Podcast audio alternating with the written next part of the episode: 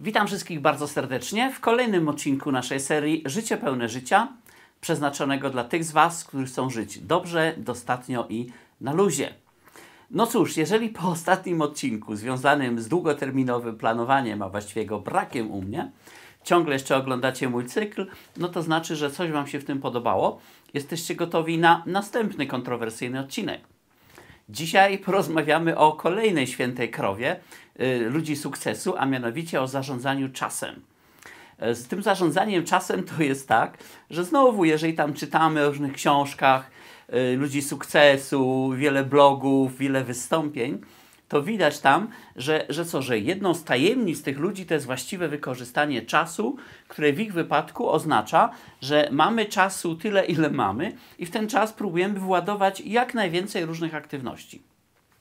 Różne teorie time managementu, e, czy, czy takie rzeczy jak getting things done i tak dalej, koncentrują się właśnie na tym, żeby zrobić jak najwięcej rzeczy ja muszę powiedzieć, że ja mam z tym pewien problem, bo ja jestem za leniwy, żeby robić rzeczy dużo. Ja zamiast robi, robić rzeczy jak najwięcej w czasie, który mam do dyspozycji, to wolę się zastanowić, żeby wybrać te rzeczy, które są rzeczywiście istotne, które są rzeczywiście kluczowe i te zrobić bardzo dobrze. Zgodnie z tą podwójną zasadą Pareto, pamiętacie? 4% nakładów, 64% rezultatu końcowego.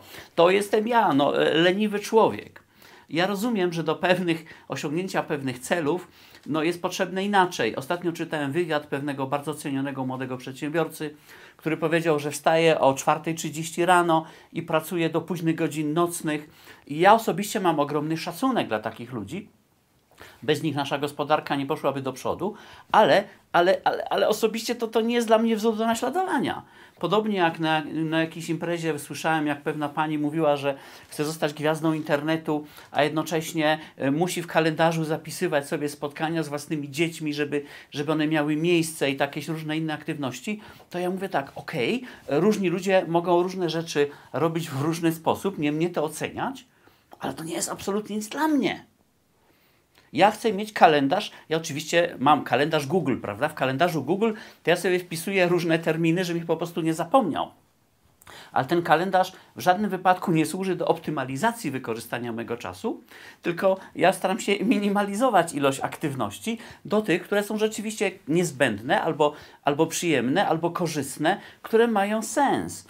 I ja w ten sposób funkcjonuję, nie inaczej. Oczywiście nie jest to wzór do naśladowania, jeżeli ktoś chce zbudować duże przedsiębiorstwo, jeżeli ktoś chce, jak ma jakieś tam inne ambitne cele. Ale dla tych z Was, którzy chcą po prostu żyć dobrze, dostatnio i na luzie, mając czas dla osób bliskich, mając czas dla siebie, mając rezerwy czasowe na wykorzystanie różnych sposobności, które się pojawiają, no to, to warto się nad tym zastanowić. Oczywiście u mnie też nie zawsze tak było. Ja w moim poprzednim życiu jako właściciel firmy software'owej to też pracowałem 52 tygodnie w roku, 7 dni w tygodniu od rana do wieczora.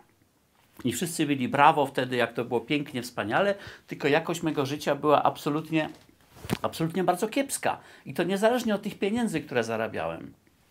I to wtedy się zastanowiłem, powiedziałem, ok, musisz coś zmienić.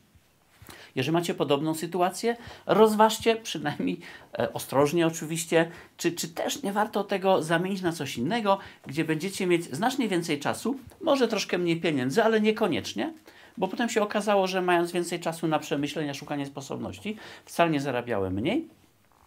I, i, i jak to zrobić? I teraz, jeżeli, jeżeli jeszcze chodzi o to, w jaki sposób ja czyszczę mój kalendarz, bo ja po prostu co? Ja sprzątam mój kalendarz, sprzątam w ten sposób, że nie dopuszczam do tego, żeby się ładować w sytuacji, kiedy musiałbym robić wiele rzeczy, które niekoniecznie mi sprawiają przyjemność, które niekoniecznie posuwają mnie do przodu. Tu jest kilka kategorii. Pierwsza kategoria to jest kwestia zarabiania pieniędzy. Ja od bardzo wielu lat pracuję nad moją wartością rynkową. Ci z Was, którzy czytali mój blog, pamiętają, wartość rynkowa wprost proporcjonalna do tego, co umiesz, nie co wiesz, tylko co umiesz, razy to, e, jak dobrze potrafisz sprzedawać to, co umiesz, razy to, kto Ciebie zna i jaką masz reputację twoim, na, na Twoim potencjalnym rynku, prawda? Nad tym staram się pracować. I w związku z tym przez te wszystkie lata tak naprawdę muszę pracować coraz mniej, żeby się po prostu utrzymać na jakimś rozsądnym standardzie. To jest rzecz numer jeden.